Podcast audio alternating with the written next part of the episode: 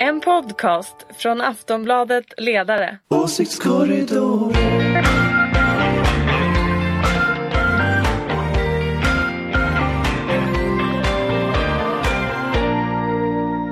Välkomna till veckans avsnitt av Åsiktskorridoren. Podden där vi reder ut vad som egentligen händer i politiken. Och som det händer. Eh, Jag heter Ingvar Persson och vi har massor att prata om. Ulrika Schenström finns med. Chef, Ja, här är jag. moderat, chef för den liberala och gröna tankesmedjan Fores. Nu fick, och nu fick du till Ja. Ingvar. Jag blev så glad. Ja. Det tog så många Det avsnitt. tar många avsnitt men som sagt även ja, till slut. Jo, Till slut hände Ja. det. Jonna Simman, Aftonbladets ledarredaktion, socialdemokratiska ledarredaktion ska vi säga. Välkommen. Tack, tack. Och så har vi Anders Lindberg också från Aftonbladet. Men i ditt fall måste jag ju fråga efter den senaste veckans eh, Twitter-diskussion. Är det sant att du håller på att gå med i Centerpartiet?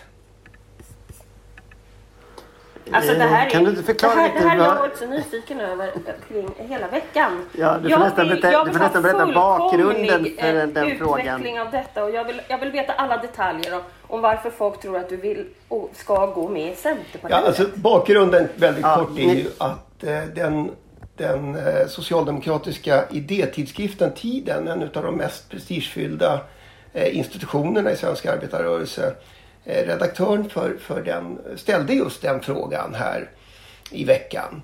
Eh, och då är det klart att då blir vi nyfikna också. Hur gick det till Anders? Jag vill veta. Nej, men jag, jag har inget bra svar på detta riktigt. Så att det var ju att jag skrev en artikel om Mona Sahlin. Att Mona Sahlin eh, ändå hade vissa positiva sidor. Till exempel att hon tog upp HBTQ-rättigheter, antirasism, eh, att hon tog upp eh, feminism inte minst. Eh, och att det här inte får glömmas bort i bilden av henne. Och då svarade då den här tankesmedjan Tidens tidning då. De, de hänger ihop de här tidningen och tankesmedjan numera då. Eh, svarade ju att jag borde gå med i Centerpartiet då istället. Nå, Det, Det var, var- det är hela historien. bittert. det var ju något sätt. Payam Mola som är chefredaktör där som twittrade det. Ja. Ja, det var chefredaktören precis. Var han tyckte liksom inte du skulle annan, gå med i Centerpartiet utan i Annie Lööf också. Ja, Det var, det var mycket som var märkligt. Nej men det, är ju, det här är ju på något sätt socialdemokratisk interndebatt numera. Att liksom de som, inte, de som är kritiska till partiledningen, de ska gå ur partiet. Eh, och det är ju ett hälsotecken verkligen, eh, den, den kulturen. Liksom. Men det är inte första gången ni tjafsar lite Anders, eller hur? Du och Payam Mola. Nej, jag vet inte faktiskt. Jag vet faktiskt inte riktigt om, om det är Jo men det. jag var med. Jag var med i en podd för några år sedan från en flygplats. Från en flygplats. Jag poddade direkt från Bryssel. Då man fortfarande fick resa. På flygplats. Ja, ja, det var ju länge sedan. Ja, så att, så att jag kommer ihåg att du bråkade då. Ni bråkade och sen så började någon bråka på mig. Då sa jag, ja, ja, jag hinner tyvärr inte lägga ut texten här. Jag ska gå igenom, genom säkerhetskontrollen och så var jag off the hook. Då var det väl om marxismen? Eller Nej, men jag tror att... Jag, Ja, jag är Ja, nej, men jag tror att det finns... Det finns jag, jag, jag, jag kan ge, försöka ge en förklaring även om jag eh, inte tror faktiskt jag kan det riktigt. Men alltså, den här, om man, om man, det finns två delar tror jag. Den här internkulturen som finns och den här finns ju inte bara på tiden utan det här är en kultur eh, som, som många vittnar om. Jag har fått väldigt många mm, så här, direktmeddelanden eh, när jag, eh, om detta. Alltså folk som sitter och skickar direktmeddelanden till mig för att de inte vill få ut sina namn i offentligheten. Eh, som berättar om liknande saker som de har råkat ut för. Det är tje- bara tjejer dock, ska jag säga. Det, det, eh, som har råkat ut för liknande saker. Att de har liksom fått höra att de kan lämna partiet, eh, de kan försvinna, de ska vara tysta, de ska inte säga det de säger. Eh, och och eh, det, också i den här tråden på Facebook när jag svarade på detta så svarar ju alltså höga socialdemokratiska politiker att det här är, beskriver det här som ett arbetsmiljöproblem i princip. Eh, Så det är liksom ena delen, att det här är som en, en, en stil hur man diskuterar politik idag som man kan tycka saker om. Sen finns det ju en reell, tror jag, åsiktsskillnad här där Mona Sahlin står för ett, ett rättighetsperspektiv. Eh, man pratar mycket om feminism. Eh, som, som den här kretsen människor ja, antirasism. Men jag tror just feminismen är mycket av det som har varit kontroversiellt här. För det, den här kretsen människor som driver liksom en annan linje. De säger ju att klass är det enda dominerande perspektivet. Och då blir det ju också en slags konflikt idépolitiskt mellan det Mona Sahlin står för och den här typen av socialdemokrati som formuleras nu. Så jag tror det finns en riktig konflikt å ena sidan och å andra sidan ett, ett liksom, en, en debattklimat eh, som är kanske lite konstigt då. Sen tänker jag inte gå med i Centerpartiet. Jag, jag tror inte Mona Sahlin kommer att göra det Då heller. fick vi i alla fall svar på Säg, den säg frågan. inte det. Ja, Ja. Ja, det var ju frågan du ställde. Det var- Det var ett långt svar på den frågan. Nej, jag tänker inte gå med i Centerpartiet. Jag tycker att Centerpartiet är till höger om Genghis khan. Och eh, eh, jag eh, trivs ganska bra där jag är. Det låter ju, låter ju också som en annan slutsats skulle vara att inte bara Ulrika utan många skulle behöva en säkerhetsutgång. Jaha, du tänker så. Mm. Anders, vad tyst du blev. Du blev så tyst. Jag vet inte vad jag ska säga riktigt. Det är liksom, jag tycker att det är helt vrickat. Alltså jag, jag, jag tror att jag gick med på något sätt i SSU för snart 30 år sedan. Långt före många av de här liksom grabbarna som håller på nu. Eh, och det, liksom, själva idén att det, det stora bidraget som liksom socialdemokratins stora idépolitiska tidning kan göra det är att säga åt folk att lämna partiet. Jag måste säga att det, det, jag blir alltså- lite matt av. Men en sak jag har tänkt på, kan man inte jämföra Mona Sahlin med Fredrik Reinfeldt? Att de har fått lite samma slagpåse-funktion inom sina respektive partier.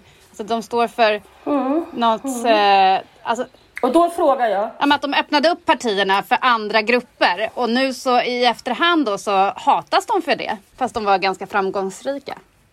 På varsitt sätt. Och och det gör de nog inte i folket, bland folk som skulle vilja rösta på dem.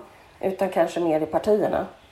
Man, man måste väl... Man, Jo, men jag tror bilden, jag, jag tror jämförelsen är jättebra. För att jag tror faktiskt att det är så att det, det finns någonting i den här lite frihetliga nya inställningen till politik som, som, som eh, den här reaktionära, auktoritära vändningen som sker nu avskyr.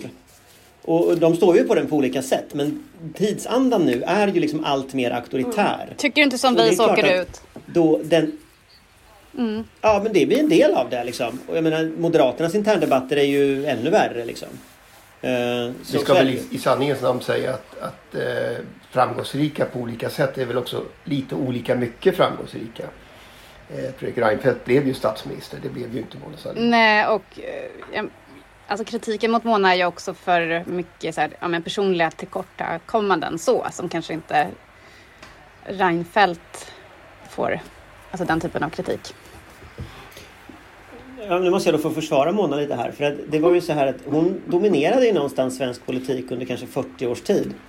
Och var väldigt framgångsrik i oherrans massa regeringar eh, under väldigt lång tid.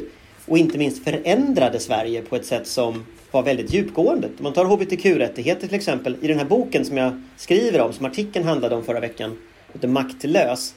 Eh, där, där beskriver hon att sista gången politikerna vågade ha ryggrad och gå mot den allmänna opinionen, det var hbtq-frågorna. Där gick politikerna före. Eh, idag så beskriver hon det som att politikerna bara liksom följer efter opinionen och läser opinionsmätningar. Och jag måste säga att den kritiken tycker jag är väldigt tydlig. Alltså, det, och det här är inte bara ett parti utan det här är liksom en hel politik som har blivit liksom ängslig. Men det är det här jag brukar klaga på. Att de bryr sig mer om opinionssiffror och trackings som det så kallat heter. När man kollar vissa frågor och vilka grupper som tycker vad och sådär. Och jag tycker det är ganska, jag tycker det är tragiskt. Att man litar mer på det än sin egen värderingskompass. Och övertygelse. Eh, Exakt. vi har i alla fall fått svar på frågan. Anders kommer inte att bli centerpartist. Eh, I alla fall inte i närtid. Eh, Nej. Där fick vi in den. Det är så här, I alla Men jag kommer inte när. bli centerpartist överhuvudtaget. Jag, det, liksom, det här är så fascinerande. Liksom. Eller, Centerpartiet är inte heller ett klipp ha med upp, du ville ha värderingar. upp den här frågan. Så nu är vi där vi är. Ja, jag, jag, vill ha, jag vill ha upp de här frågorna och jag, ty, jag tycker det här är viktigt. Orsaken till att jag skrev artikeln och sa att Mona Sahlin gjorde inte allt fel ungefär och det, blev, det smäller till jättemycket. Det säger ju också någonting. Att liksom, hon valdes av en enhällig partikongress. Och, och, det har inte varit många artiklar som jag har sett som har sagt att, att, eh, att det faktiskt inte allting inte var fel. Juholt råkar ut för samma sak. Så jag menar, det, liksom, det finns någonting sjukligt tycker jag i att man inte kan se att människor är mer komplexa än att de är svartvita. Juholt var en fantastisk eh, talare, ideolog, folkrörelsemänniska. Det har helt försvunnit idag. Så det, det är ett väldigt ogint sätt att se på politik tycker jag. Så är det. Men som sagt, eftersom vi har fått svar på frågan så har det har ju hänt, det har hänt saker också eh, utanför ska vi säga, den här bubblan. Eh, till exempel i USA. Eh, I fredags kom ju beskedet att Donald Trump mitt i liksom valrörelsens slutspurt har fått covid-19. Idag är han tillbaka i Vita huset. Och jag måste fråga er. Har nu Trump och hans personal gjort det bästa utav situationen? Rent politiskt. Men, men får jag bara fråga först. Har han verkligen blivit sjuk på riktigt? Tror vi det? Jag vet att det är lite väl mycket konspirationsteori över det här men... Men han har ju bäddat för det tycker det själv. liksom- Att man eh, misstror honom. Det, ja. Eller hur? Alltså han ljuger ju om allting annat så varför skulle han inte ljuga om det här? Och, En eh, han, simulant alltså. Ja, och som, eh, Ja. hans sjukdomstillstånd följer ju inte den eh, konventionella corona tågordningen att man blir sjuk och sen så blir väldigt sjuk efter en vecka, tio dagar. Utan han skrivs ju ut då efter bara tre eller fyra dagar. Det är ju misstänkt. Men är det verkligen sannolikt? Alltså alla andra har också blivit smittade som Just har det, träffat men har honom. de det? Ja, det har de nog. Alltså, jag tror faktiskt inte de hittar på Nej, en sån bara, grej. vi- bara, Jag är godtro, bara kallar mig godtrogen men jag tror... detta. Så, mm. Okej, Ja, jag tror inte det i alla fall. vi, vi misstänker, eller vi, vi har rätt ut det. Så Donald Trump har antagligen fått corona. Och det har blivit en har- klustersmitta i Vita huset, Ja, uppenbarligen. har de nu använt det på rätt Och sätt? den blir, det här är ju, men det här är ju en thriller. Alltså det här är ju en thriller. Ruth Bader Ginsburg säger alltså att hon inte vill att någon ska komma efter henne innan en ny president har utsetts. Och så bryter man detta efter, hennes, efter att hon har gått bort. Och på det mötet när man ska nominera hennes efterträdare i strid mot hennes sista vilja så, så får man klustersmitta av covid-19. Det här Är är, det en en politisk thriller alltså. Som, som Bader eh, någon, menar du? Nej men jag, jag, nej, det är kanske är en rys, Spök- rysare snarare. Men det är liksom, det är verkligen, ja men det är för, ja, precis, men det är för mycket för att vara sant det här. Det är för många liksom delar i det. Och på riktigt, har, har det här varit bra eller dåligt för Trump-kampanjen? Jag tror att eh, Ulrika tittar på mig nu här lite skarpt. Jag tror att det är svårt att veta det. Tittar man på Boris Johnson så blev han ju sjuk och eh, fick ju tillfällig uppgång i stödet och människor ville att han skulle bli frisk och så, vilket är naturligt när en ledare blir, blir sjuk. Men, men nu är ju Labour ikapp honom och eh, Keith Starmer, då Labours nya ledare, en väldigt effektiv kritik av coronahanteringen. Så jag, jag tror ändå folk skiljer på sak Men och tror du inte person också det- i Storbritannien. Skiljer man på sak och person i USA? Ja, det vet jag faktiskt inte. Det är så oerhört polariserat. Tror du inte du liksom. att eh, Boris Johnsons eh, uppgång i opinionen berodde på att han gjorde en helomvändning under galgen rent bokstavligen eftersom han höll på att dö i coronan. Och eh, han gick ju... Innan hade, hade ju han sagt att smittan inte var så farlig men sen så gick han ju ut och berättade liksom hur, hur illa däran han hade varit och hur farlig den här smittan är och vilket fantastiskt jobb eh, NHS-personalen gör. Och han döpte ju till och med sin dotter var det va? Efter eh, två sköterskor som hade tagit hand om honom. Där på dödsbädden nästan. Uh, Medan Trump gör ju inte någon sån helomvändning utan han säger istället att coronasmittan inte är så farlig och att man inte ska frukta den och att man ska möta den liksom som en, ja vad han nu sa, En riktig karl. som en riktig karl. Jag menar, jag, jag tror inte det går hem hos de 100-200 000 amerikaner som har liksom haft familjemedlemmar som har drabbats av den här sjukdomen. Ja, jag, jag är lite osäker. Jag tror att kanske... Ja, i och för sig. När Boris höll på och pratade om hur duktig sjukvården var eftersom sjukvården är en kommandohöjd i Storbritannien. Så det är klart att det var bra. Eh, alltså sjukvård betyder väldigt mycket för britter när de ska gå eh, liksom välja en ny eh, premiärminister. Um, och han hade gett mycket pengar till, till sjukvården i valrörelsen. Så det kan ju hänga ihop. Men jag vet inte. Alltså, en sak vet jag bara, det är att vi alltid underskattar Donald Trump och tycker att han ljuger och är en idiot. Men han lyckas ju hela tiden vinna. Nu ligger ju Biden väldigt mycket bättre till vad gäller opinionssiffrorna. Men vad var det vi sa om opinionssiffror alldeles nyss? Eh, jag, jag är jättetveksam till om inte det här kanske på något sätt... Alltså det, det är ju så här när vi sitter och diskuterar det här att vi är ju inte hans väljare. Vilket ju... Eh... Men, men är det inte så att det räcker inte med, han, med hans väljare? Alltså han måste vinna nya väljare. Och, och de här mittenväljarna. Jag såg att Joe Biden var ute nu och sa att han var inte förvånad att Trump hade blivit smittad. Och det är ju ett fint sätt att säga att det är hans eget fel.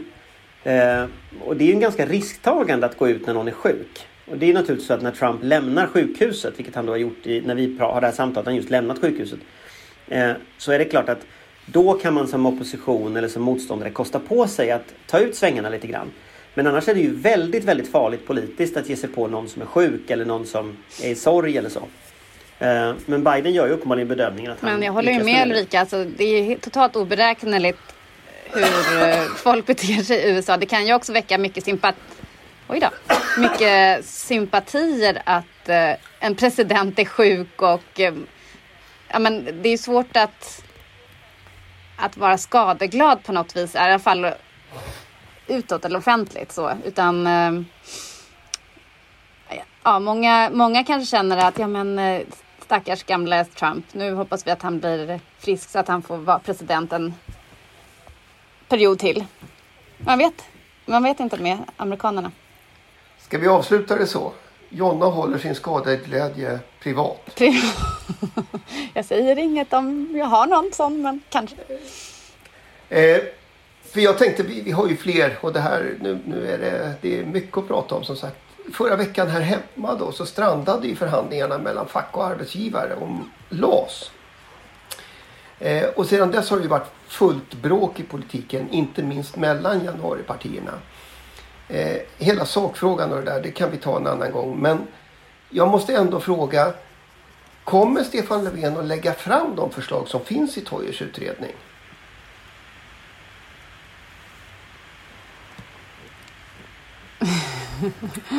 ja, det är väl bättre att någon på ledarredaktionen svarar på det. Ja, det, då, då kan vi låta Jonna svara på det. Eh, nej, det tror jag inte. Alltså går den tillbaka på januaripartierna så kommer det vara läge för en ny förhandling. Tror jag. Eh, om, men jag hoppas att parterna löser det här åt regeringen och januaripartierna. Men eh, nej, jag tror inte det kommer läggas fram i, i den här formen helt. För det vore förödande alltså den, för den... Socialdemokraterna. Nej, jag tror inte heller Toyers utredning har särskilt goda förutsättningar att läggas fram av en socialdemokratisk regering. Eh, och jag, jag tänker också att den, när, när de ska ta den här utredningen tillbaka till förhandlingsrummet mellan januaripartierna då kommer de ju att jämföra vad som står i utredningen och vad som står i januariavtalet. Och de har ju fört den här förhandlingen förut. Så det här liksom snabba tjafset i medierna som borgerliga opinionsbildare och borgerliga ledarsidor ägnar sig åt nu och säger liksom att ahaha, Toijerutredningen är precis vad som står i januariavtalet och sådär. De, de i det rummet vet ju att det är lögn. Eh, och de vet ju, de har ju allihopa skrivit under på att den grundläggande balansen mellan parterna ska vara kvar. Så jag har så svårt att tro att man kan liksom... Ska, man har skakat hand på det en gång och sen ska man då föra en ny förhandling där man låtsas att man inte kommer ihåg att man skakar hand på det. Jag har svårt att tro att det går. Så jag tror ju att om parterna misslyckas så tror jag att den går tillbaka till januaripartierna och de får förhandla till exempel in kompetensutveckling eller omställning eller alltså sånt som facket vill ha. Jag tror ehm, också, i detta. Jag, Men sen jag tror också att Centern och Liberalerna inser att det här inte är rimligt att liksom riskera en regeringskris och omval mitt uppe i en pandemi för att eh, försämra, enligt många löntagare då, tryggheten på arbetsmarknaden. Jag tror att de säkert, Centerpartiet kan göra sina egna små opinionsundersökningar som visar att det vore en dum idé. Å andra sidan var det väl precis de här formuleringarna som gjorde att Annie Lööf kunde eh, bestämma sig för att tolerera Stefan Löfven som statsminister. Det var precis så det var va? Ja. Mm. Ja, det, det är inte hela sanningen. Det var faktiskt januariavtalet som gjorde det. Och det är ju en helhet. Eh, man kan inte plocka bort det som ena gänget eh, fick och, och eh, ha kvar det som andra gänget fick och låtsas att det är ett avtal fortfarande. Eh, och det gäller ju åt båda håll. Det gäller åt Stefan Löfvens håll men det gäller också åt Centerns håll. Jag tror inte Centern med liksom ett straight face kan hävda att det här bevarar den grundläggande balansen på arbetsmarknaden. Det tror jag ingen kan. Eh, och det är klart att då får ju de förhandla utifrån det som ligger på bordet självklart. Men samtidigt, man måste också ha med sig att Stefan Löfvens mandat i, den, i det rummet var också att inte gå bortom de här förhandlingarna. Så Stefan Löfven hade inte ett mandat i förhandlingarna att säga att man förhandlar bort balansen på arbetsmarknaden. Och det mandatet som han hade, det levererade han ju på. Men där står ju också grundläggande balans. Om han skulle gå tillbaka till LO idag eller tillbaka till den socialdemokratiska partistyrelsen eller ännu mer tillbaka till en socialdemokratisk partikongress som det ju kommer att komma en förr eller senare. Då kommer han inte få igenom det. Och det måste ju också Centern ha med sig att liksom, det här är ju demokratiska organisationer. Ja, jag brukar säga det att det är många som kommer försöka göra allt för att försöka um, krascha liksom, januariöverenskommelsen men jag tror att det kommer bli svårt. För det finns någonting som är över detta. Och lite till just den frågan om över detta hamnar vi till sist då. Därför att jag, jag tänkte vi befinner oss ju precis nu i liksom en ström utav eh, skuggbudgetar från oppositionen. Eh, och mycket känner vi igen. Eh, Moderaterna vill ha ett stopp för skattehöjningar och Vänsterpartiet vill ha ett stopp för skattesänkningar och sådär. Och det, är väl, det var väl väntat kan man tycka. Men Sverigedemokraterna hittade ju faktiskt på någonting som vi kanske inte riktigt har sett förut. I Aftonbladet kallar vi det för ett godisregn. Eller ett barnkalas på steroider. Alltså 10 000 i näven på, på eh, var och en utav svenska medborgare skrivna i Sverige. Eh, så noga var det. Och 5 000 för barnen. Och 5 000 för barnen. Galet eller genialt är min enkla fråga. Båda och skulle jag säga. Folk kanske går på det, men det verkar inte vara finansierat så då blir det ju galet. Ja, Jag tror inte att det är helt galet. Jag tror att, eh, jag tror att i sådana kretsar som... Men jag sa ju det, eh, det är inte helt galet, vi- det är båda och. Nej men jag tror sådana kretsar som, ja, du sa det, jag vet. Men jag tror att sådana kretsar som vi tror jag det framstår som fullständigt galet. Som ställer just den frågan, är, det här finansierat? Ja, det verkar Men- inte vara det. Utan det verkar vara som Moderaterna gjorde en gång i tiden, att räkna med dynamiska effekter och sen så, ja, mm, det har ju inte funkat någon gång. Ja. Nej men det, jag, jag, jag, är, jag, det jag är rädd för när jag hör den typen av förslag Det är ju att det, dels att det är så populistiskt Men sen också att jag litar ju inte på att Moderaterna inte går med på sånt här eh, Om de skulle sitta i en regering ihop eh, Utan vad Moderaterna gör då är att man ger bort pengar till alla och sen så tänker man ojsan, vi gick med budgetunderskott. Då måste vi ju skära ner Nej, välfärden. kom igen. Inte just välfärden. Jo, ja. Nej, skärp dig. Så, så 90-tal. gjorde Moderaterna förr i tiden. Sen. Ja, men det Ja, gjorde Moderaterna. Sluta nu. Ja, men det, man gjorde så. Man sprätte iväg pengar åt alla håll. Alltså Ulf Kristersson kommer från 90-talet, förlåt. Men han gör det. Eh, Åh, alltså, Gud, han, han är Moderaterna före Reinfeldt. Jo, tack, tack, Eh. tack för upplysningen. Tack, tack.